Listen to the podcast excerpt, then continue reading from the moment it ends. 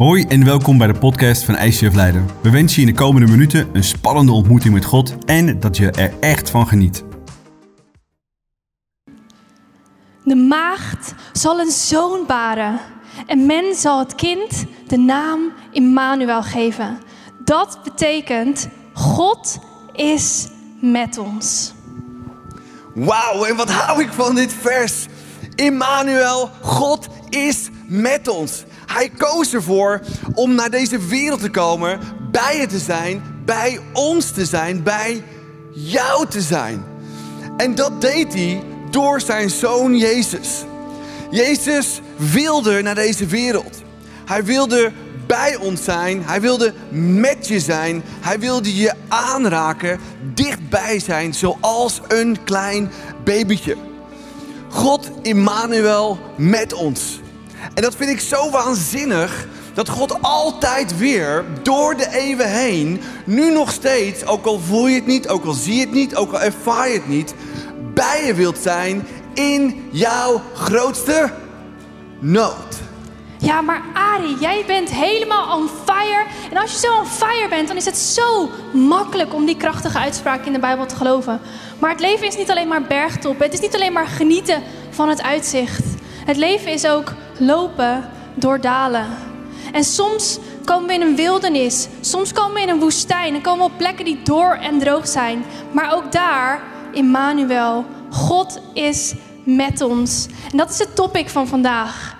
En ik hou van het poëtische woord wildernis. Want de wildernis is avontuurlijk. Je maakt dingen mee. Je gaat door plekken die je nog nooit gezien hebt, nog nooit geweest bent. Maar de wildernis is ook gevaarlijk. Er kunnen van allerlei dingen op ons afkomen.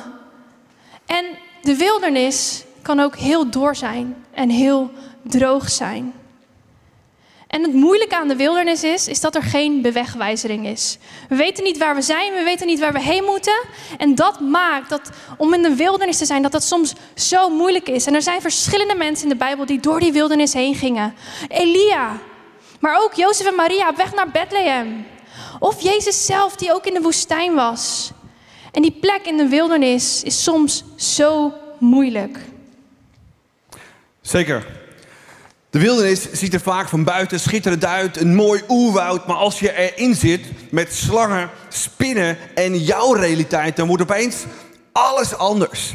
Mijn realiteit 12 jaar geleden was, ik gaf leiding aan een bedrijf, we waren net deze kerk gestart, we waren op een hoogtepunt. Everybody was woohoo, on fire. En ik gaf leiding aan een bedrijf en ik wilde minder gaan werken. Dat was een issue. Oh ja, ja nee, het is geen issue, is oké om te doen. En dat duurde een jaar. Totdat het niet oké was. We hadden zoveel highlight na highlight na highlight na highlight. En ik werd als, als leidinggevende van een bedrijf aan de kant geschoven. Ik had alles gegeven, zes jaar lang, om het bedrijf te groeien, groeien, groeien, groeien, groeien. En dan word je afscheid genomen en dan krijg je één fles Bio Prosecco. Dat raakt je in het diepst van je hart en het diepst van je ziel. Alles in me huilde, jankte en deed pijn. Van hoogtepunt naar dieptepunt. Van general manager naar een nobody. Op zoek naar een parttime baantje voor twee dagen om de rest van de week kerk te kunnen bouwen. Is zo ontzettend pijnlijk. En misschien zit je hier ook naar hoogtepunt en hoogtepunt en boom, uit het nowhere. Komt iets op je pad wat je diep raakt in je ziel en je dag en nacht laat twijfelen over wie je zelf bent en waar je toe in staat bent. De wildernis is niet altijd te begrijpen. En soms ook niet te begrijpen waarom God het in je leven toestaat. En de Bijbel staat dat de duivel rondgaat als een briesende leeuw. Om wat? Als een leuk katje bij je te komen liggen. Nee, om alles kapot te maken. Attack, kill en destroy. En ook in jou en in mijn leven. Maar wat interessant is, dat die dieptepunten altijd voorafgaan aan hoogtepunten.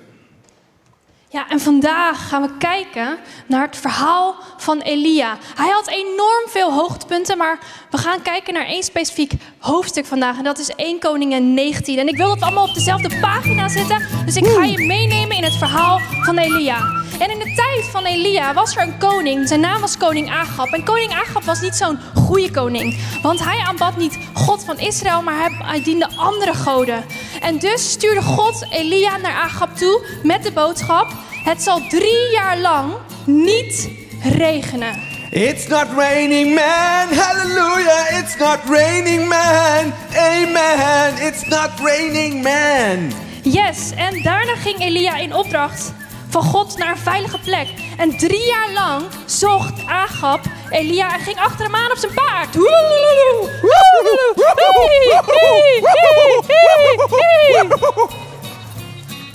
Hij wilde hem vinden, maar hij vond hem niet, want hij verborg zich bij de beek Krit.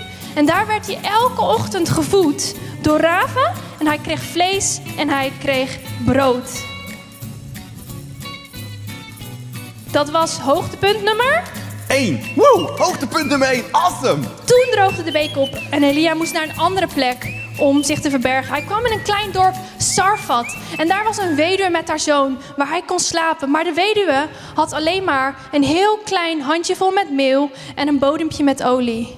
En Elia die bad voor dat handjevol met meel en dat bodempje met olie. En het was genoeg voor een jaar. Het raakte niet op. Wauw, hoogtepunt nummer 2. Wauw. Amazing. Maar op een dag werd de zoon ziek.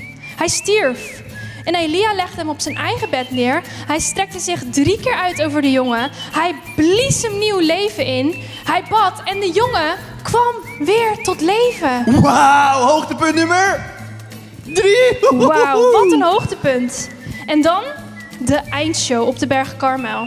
Elia zei, we willen zien wie de echte God is. Baal, de God die Agab dient, of de God van Israël. Weet je wat je moet doen? Je moet een altaar bouwen, je moet een dier offeren en dan moet je bidden. Het vuur moet namelijk van Baal zelf komen. Dus wat deden ze? Ze deden een dansje. Met z'n allen.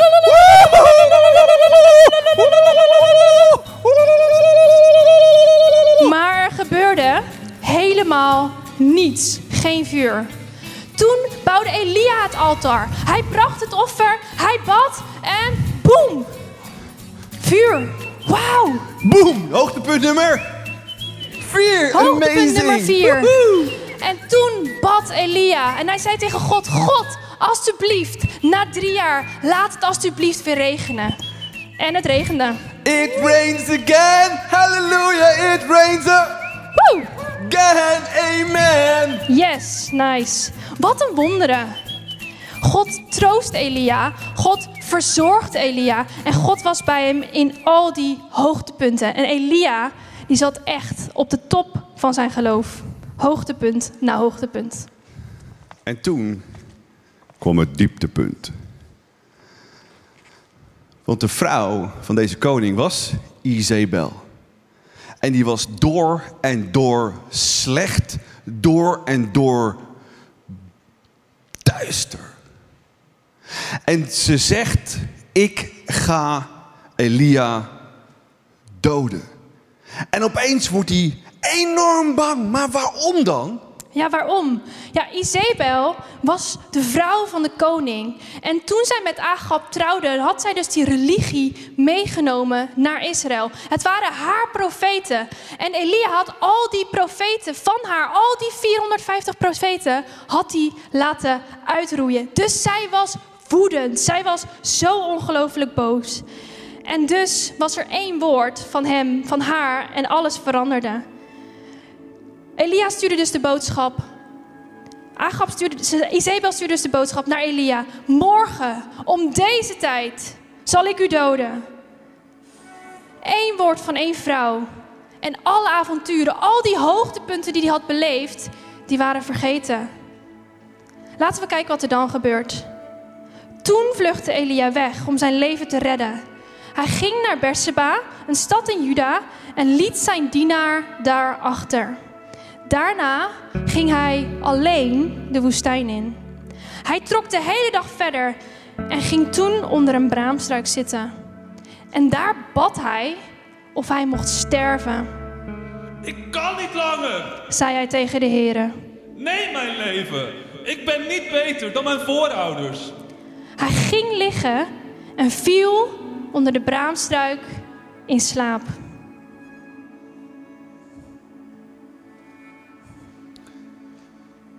Hij was zo bang geworden voor Isabel Van hoogtepunt naar hoogtepunt naar hoogtepunt. Eén dame, één uitspraak. En totaal, totaal los. Ik kan niet langer. En misschien zit je hier ook. Ik kan niet langer. Als ICF hadden we twaalf jaar zoveel hoogtepunten. En toen kwam corona. En het was zo taf voor mij persoonlijk. En ik heb de afgelopen 2,5 jaar zo vaak gezegd: ik kan niet langer. Dat je God zo keihard nodig hebt. Dat je je moet overgeven midden in de woestijn. Ja, er zijn allemaal, kennen we van die momenten, dat er maar één ding gebeurt, zoals in het leven van Elia. Eén ding. En we zijn het totaal kwijt. We weten gewoon niet hoe we verder moeten. En voor Elia was dat ene ding, Isabel, die zei, ik zal je doden. Eén ding. En hij lag compleet onderuit. Elia is in de woestijn en hij is totaal uitgeput. Maar terwijl hij daar lag te slapen, raakte een engel hem aan en zei hem op te staan en iets te eten. Hij keek hem zich heen en zag hoe op enkele roodgloeiende steen een brood werd gebakken. Daarnaast stond een kruik met water. Hij at en hij dronk en hij viel weer in slaap. En wat we uit dit Bijbelvers kunnen leren is dat soms het meest geestelijke is om te doen. Om simpelweg iets te eten, om te slapen en om te rusten. De engel van de Heere kwam voor een tweede keer naar hem toe, raakte hem aan en zei: Sta op en eet nog wat. Want u hebt nog een lange reis voor de boeg. Toen stond Elia op. Hij at en hij dronk. Dat gaf hem genoeg kracht om in 40 dagen en 40 nachten naar de berg Horeb te lopen, de berg van God. Daar ging hij in een grot liggen slapen. De volgende ochtend begon de Heer tegen hem te spreken. Hij zei: Wat doet u hier, Elia? Ik hou van dit verhaal, want het is zo ontzettend krachtig. Voor toen, voor die persoon. En het kan ook net zo krachtig zijn voor jou en mij hier vandaag. Want wat gebeurt er in dit verhaal? God was voortdurend bij hem. Ik weet niet wat er door jou heen gaat als je in een grot zit, in de woestijn zit, in de duisternis zit. En ik denk dat er van alles door je heen gaat. Misschien wel voortdurend dezelfde dingen door je heen gaat. Maar we zien in dit verhaal dat God voortdurend bij hem was. Bij 160 kilometer. Daarna nog een keer 40 dagen en 40 nachten. God was voortdurend bij hem. En ik vind het zo waanzinnig om te zien dat Elia voortdurend daar is. Niet beseft dat God bij hem is, maar God was voortdurend en voortdurend en voortdurend bij hem. Ja, het is echt waanzinnig. Wat we hier zien is dat God is als een vriend. En wanneer we in de woestijn zijn, wanneer we niet weten waar we heen moeten, dan hebben we iemand nodig die ons begrijpt. Iemand nodig die naast ons gaat staan. Iemand die bij ons bij de hand neemt en zegt: Hier gaan we naartoe. Dit is jouw volgende stap. En dat is precies wat God ook deed bij Elia. En dat vind ik echt fantastisch om te zien. En dan komt er een antwoord van onze vriend Elia. Hij antwoordde. Ik heb met grote ijver gewerkt voor de Heer, de God van de hemelse legers. Maar de Israëlieten hebben hun verbond met u verbroken, uw altaren vernield en uw profeten gedood. Alleen ik ben nog over en nu willen ze mij ook doden. Wauw. Een interessant detail wat je moet weten is dat Elia dit zei nadat hij geslapen had. Nou, ik weet niet hoe jij wakker wordt. Maar als het goed is, als je geslapen hebt, ben je weer uitgerust. Heb je kunnen verwerken wat er allemaal gebeurd is in de voorgaande tijd. Word je wakker en denk je: oké, nieuwe dag, nieuwe kansen. Maar als je wakker wordt met een ochtendhumeur, dan klinkt de wekker heel hard. En dat is precies wat er hier bij Elia gebeurde. Hij had geslapen, hij had kunnen herstellen. Maar hij werd wakker en dit was zijn ochtendhumeur. Hij zag het compleet niet meer zitten. Hij was compleet klaar. En dat is precies wat er hier gebeurt. Als Elia alleen maar moe was geweest, dan had hij gaan slapen en dan was hij de volgende dag oké wakker geworden. Maar dat is niet wat er hier aan de hand is. Er is iets heel anders aan de hand. Elia die is uitgeput. En tussen moe zijn en uitgeput zijn zit een heel groot verschil. Ja, want je kunt lichamelijk moe zijn en geestelijk uitgeput zijn. Maar dat zijn totaal twee verschillende soorten dingen. En als je merkt, hey, ik eh, ben ontzettend lichamelijk moe en ik slaap een paar nachtjes. En je voelt je lichamelijk nog steeds moe. Nog, dat je lichamelijk niet meer moe bent. Maar dat je geestelijk eigenlijk in de knoop zit. En dat was eigenlijk precies hetzelfde met Elia. Hij had een paar nachten geslapen, knapte weer op, maar hij merkte, mijn, ziel en mijn geest zijn droog als een woestijn. En dat moeten we bij onszelf ook nagaan. Hoe is het niet alleen met mijn lijf, maar hoe is het met mijn ziel? Is je ziel, je geest totaal on fire? Want als wel onze geest niet meer on fire is, dan zal het onze lichaam zeker niet on fire zetten. We hebben vaak geestelijke verfrissing nodig. Diep in onze ziel. En dat lezen we ook bij koning David, die Psalm 23 schreef. We hadden het er vorige week nog over. De Heer is mijn herder, bij hem vind ik rust. Hij had een goddelijke, wat nodig? Knuffel nodig. Van ja, God is bij me en ik voel het. En hij verfrist mijn ziel. Hij verfrist mijn innerlijk. En soms durven we God niet zo dichtbij te laten. Of durven we hier niet naartoe te komen. Of durven we niet in de worship tegen God zeggen: Dit is mijn pijn en dit is mijn verdriet en ik heb u nodig, verfris mijn ziel. Zodat je weer sterk kunt zijn. Zodat je weer tot leven komt. En dat is wat David uitgevonden heeft. En dat is ook veel wat van mensen van ons uitgevonden hebben. We moeten weer leren om geestelijk te revitaliseren. Dat we er helemaal bij komen. Dat we er helemaal fris worden in onze ziel en geest. De afgelopen 2,5 jaar voor mij waren lichamelijk uiterst pijnlijk. Mijn lichaam is game over.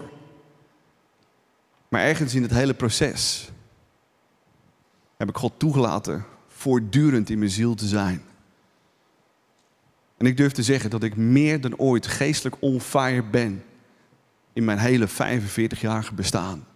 Omdat ik het toelaat dat in mijn woestijn God mij een knuffel en een geestelijke huk kan geven.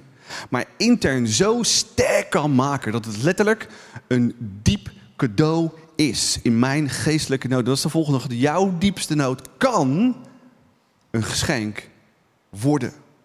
Maar durf je God zo dichtbij te laten en hem echt te ervaren. Dat hij echt je verzorger is. Misschien heb je niet wat je wilt of krijg je niet wat je wilt. Maar is dat misschien precies wat God wil doen in je leven?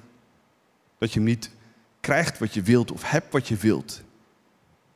Maar dat je hem toelaat in het diepst van je ziel. En dat je ziel totaal on fire is en dat je alleen maar het van hem verwacht alleen. Ja, want juist in die wildernis, op die plek waar Elia is, dat is waar God ons vormt. Dat is waar Hij ons karakter bouwt. En het is zo'n waanzinnig verhaal wat God doet in het leven van Elia. Laten we zien hoe het verder gaat. Ga naar buiten en kom voor mij staan op de berg, droeg de Heer hem op. En toen Elia daar stond, zou de Heer voorbij gaan. God, waar bent u? Waar bent u? Maar een vreselijke windschoot schoot over de berghelling. Die was zo hard dat enkele bergen uiteenscheurden en stukken rots loslieten. De Heere zelf was echter niet in de windstoot aanwezig. Op de windstoot volgde een aardbeving. God, bent u daar? Maar ook daarin was de Heere niet aanwezig. De aardbeving werd gevolgd door vuur. Maar ook daarin was de Heere niet te bekennen. God, waar bent u nou? En na dat vuur volgde een zacht zuizen van de wind. Toen Elia dat hoorde, verborg hij zijn gezicht in zijn mantel, ging naar buiten en bleef bij de ingang van de grot staan En een stem zei: Waarom bent u hier, Elia? God was niet in de wind. En God was ook niet in de aardbeving. God was ook niet in het vuur. God was niet in de aardbeving, God was niet in het vuur. Hij was niet in het buitengewone. Hij was in het gewone. Hij was in het zachte suizen. Waarom is het zo in die wildernissituaties dat God zo zacht spreekt? Waarom doet hij niet iets spectaculairs als hij wil dat we hem horen? Omdat God. Omdat God in de woestijn fluistert. Omdat hij dichtbij is. Hij is dichtbij. Daarom fluistert hij.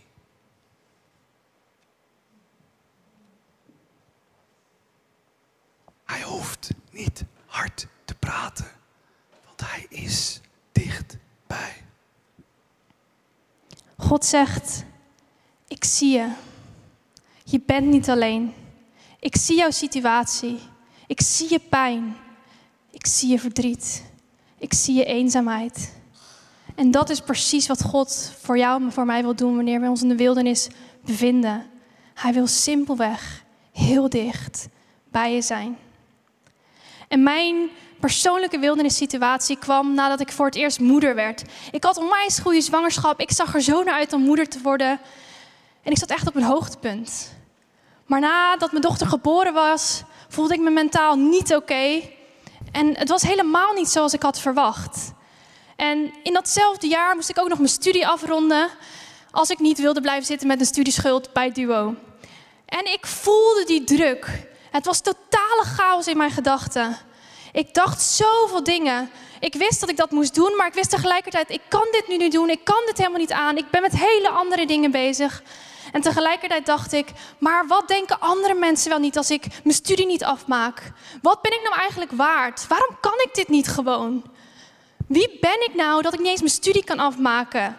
En hoe moeten we dat financieel allemaal doen als ik niet eens een studie heb gedaan? En er waren zoveel gedachten, zoveel chaos in mijn hoofd. En het was totale wildernis. Maar wat zo bijzonder was, hoe hard mijn gedachten ook schreeuwden en hoe groot mijn twijfels ook werden en hoeveel vraagtekens de boze ook bij mij als persoon zette, was er één ding dat nog veel harder klonk. En dat was Gods waarheid over mij als persoon. Ik hoorde Gods stem tegen mij zeggen: Jij bent mijn kind. En het maakt niet uit wat je doet. Ik hou van je om wie jij bent. Ik hou van je omdat je mijn dochter bent. Ik hou van je omdat je geliefd bent. Jij bent mijn kind. En ik merkte dat die waarheid gelukkig zo diep geworteld was in mijn leven, dat dat er keer op keer bovenuit kwam. En ik merkte dat daardoor ik het kon loslaten. Dat ik in vertrouwen samen met God, gebaseerd op zijn waarheid, dat ik kon loslaten en kon zeggen: Oké, dit is mijn wildernis, dit is mijn chaos. Ik weet niet hoe ik hier uitkom, maar ik kan loslaten en ik kan op u vertrouwen. En ik kon doen wat ik moest doen. En dat was simpelweg op dat moment die keuze maken om te stoppen met die studie en te zeggen: God, ik vertrouw op u, hier ben ik, ik ga nu focussen op mijn herstel. En dat is wat ik toen gedaan heb. En ik ben zo dankbaar dat Gods waarheid zo diep geworteld was in mijn leven. Zo dankbaar dat mijn ouders me vanaf baby af aan elke zondag meenamen naar de kerk. Waar ik Gods waarheid keer op keer in mijn leven heb gehoord. Zo dankbaar voor mensen die geïnvesteerd hebben al vanaf jongs af aan in mij. Zo dankbaar dat Gods stem in mijn leven niet alleen een fluistering was, maar dat dat oorverdovend hard was en uitkwam boven al mijn gedachten. Zo dankbaar dat die storm en die wildernis mij niet compleet omver heeft geslagen. Zo dankbaar. En God wil ook in jouw situatie spreken. En wij bidden en wij geloven dat God vandaag tegen jou spreekt. Hij wil jou waarheden vertellen. En misschien ben je ook moe. Misschien ben je net als Alia totaal uitgeput. Misschien zeg je: Ik kan niet langer. Dit is jouw moment. God wil tegen jou spreken. En als we zulke ontmoetingen, Als we dat fluisteren in ons leven niet hebben, dan missen we zo ongelooflijk veel. En God die fluisterde niet tegen Elia omdat Elia zo'n grote profeet was. Nee, hij fluisterde tegen Elia omdat Elia zijn geliefde zoon was. Net als dat Ari zijn geliefde zoon is. Net als dat Mirjam zijn geliefde dochter is. Omdat jij zijn geliefde zoon of dochter bent. Daarom wil hij tegen je praten. Niet om wie je bent of wat je doet, maar simpelweg om wie jij bent en dat hij van je houdt. God wil tegen ons spreken. En laten we, net als Elia, vandaag, deze ochtend, dat stapje buiten die grot zetten. Simpelweg daar te gaan staan en te luisteren. Simpelweg alleen te luisteren. Jezus, ik bid u dat deze ochtend u spreekt. Jezus, fluister. Fluister uw waarheid. Fluister uw gedachten. Laat uw aanwezigheid voelen. Hier zijn uw zoons, uw dochters. We willen luisteren, Jezus. Spreek tegen ons. Amen. Ik weet niet hoe jij deze maand ingaat van december. Ik weet niet wat jouw grot is. Ik weet niet wat jouw woestijn is. Misschien werk je al twintig jaar zit je stoffig achter een bureau en vraag je af: waar gaat mijn leven eigenlijk heen? Dan heb je verfrissing in je ziel nodig. Misschien geloof je al heel lang en sta je meer op de automatische piloot en wil je God veel meer ervaren en dat hij dieper bij je ziel komt. Misschien ben je jong en ben je gestrest als je moet studeren. Waarom niet God dichterbij te laten komen dat hij in die stress je de rust en de vrede geeft? Misschien ben je een ondernemer. En vraag je af wat de volgende stap is en wat je met al die uitdagingen aan moet. Is dat je woestijn of je grot op dit moment? En ik denk dat we allemaal, in wat voor situaties we ook zitten, als eerste het zelf op willen lossen. We vechten er ons doorheen op karakter, spierballentaal. Maar kom je erachter dat je ergens aan het eind van je lijn bent. En dat je ook ergens moet zeggen, ik kan niet meer. Ik denk wat we allemaal nodig hebben is dat we eerlijk durven te zijn. Niet als laatste naar God te gaan, maar als eerste naar God te gaan. Het alleen van Hem te verwachten. En onze geest en ziel weer helemaal in vuur en vlam te zetten. Van jezelf te houden. Van de mensen om je heen te houden. Weer nieuwe visie te krijgen. Weer nieuwe kracht te krijgen. Zodat je datgene kunt doen wat je zo graag doet. En misschien was je de afgelopen jaren van hoogtepunt naar hoogtepunt en hoogtepunt gegaan.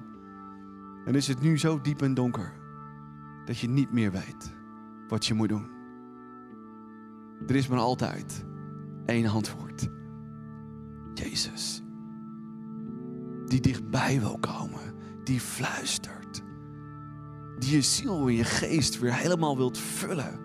Met liefde voor jezelf. Met ontzag voor God. Wetend dat hij alles kan doen wat we nodig hebben.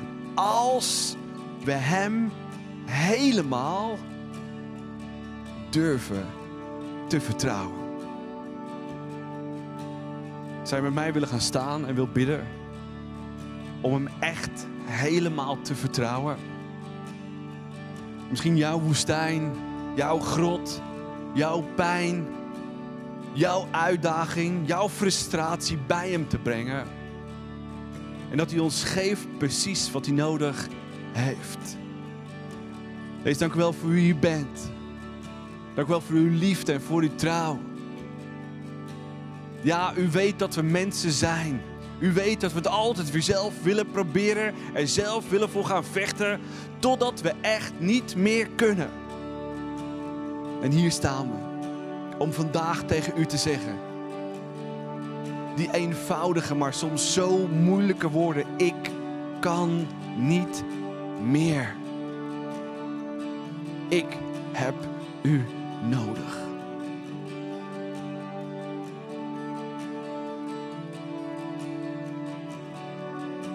Ik wil je vragen om van binnen te zien dat het kruis van Jezus voor je staat op een afstandje. Het is leeg. Misschien ook wel een donkere dag.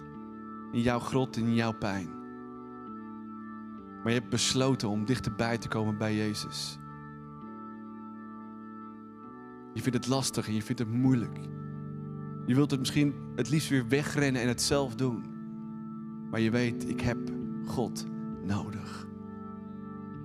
En je ziet het kruis. En Jezus komt achter het kruis vandaan. En hij loopt naar je toe. En hij legt zijn hand op je hart. En hij voelt je hart kloppen. En hij voelt je pijn. Hij voelt je frustratie. Hij voelt je uitdaging. Hij voelt ook jouw grot, jouw woestijn. En je hoort Jezus fluisteren. Ik ben bij je. Ik hou van jou. En ik wil jouw pijn, frustratie, uitdaging ontvangen in mijn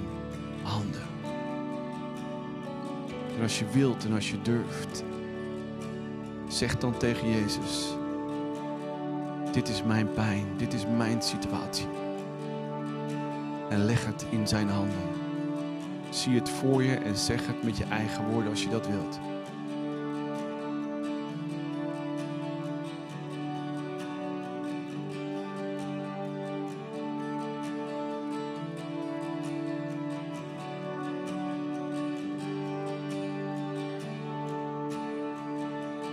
Wees dank wel dat u hier voor ons staat.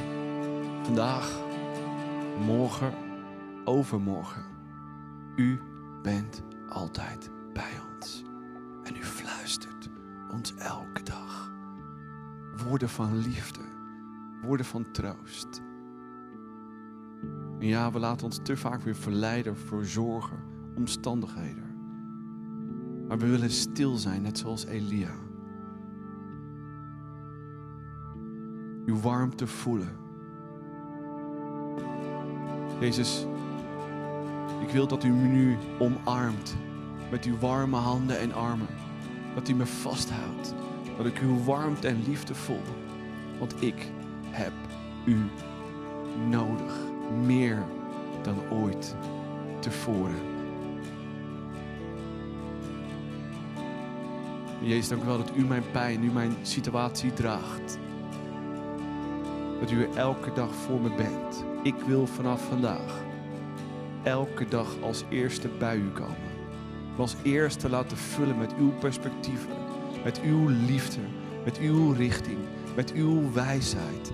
Het niet weer zelf te doen, maar boven alles me te laten vullen met uw liefde. Die eindeloos is, die onvoorwaardelijk is. Die me laat beseffen dat ik elke dag een zoon of dochter van God almachtig ben. Ik wil daar elke dag weer kippenvel van krijgen. Ik wil dat dat mijn motivatie is om elke dag naar werk te gaan, naar studie te gaan, mijn uitdagingen in te gaan, wetend dat u bij mij bent. Altijd. En u mij nooit, nooit, nooit loslaat. En dat vragen wij, dat vraag ik in uw naam. Amen. Laten we Jezus een groot applaus geven. Wij hopen dat deze podcast je heeft geïnspireerd en verder geholpen heeft in je relatie met God. Wanneer deze podcast je geraakt heeft en je de inhoud ervan wilt helpen verspreiden, deel dan deze aflevering op jouw favoriete social media platform. Op deze manier horen meer mensen over Jezus en deze boodschap van hoop. Je kunt ons ook financieel ondersteunen, waardoor we een maximaal bereik krijgen op het internet en nog meer mensen nieuwe hoop krijgen. Bedankt voor alles wat jij mogelijk maakt. We geloven dat kerk een familie is, dus of je nu live erbij bent of online meeluistert, we willen jou graag persoonlijk leren kennen. Als we jou persoonlijk verder kunnen helpen, dan horen we dat graag. Check voor info en meer mogelijkheden op onze website. Fijne dag.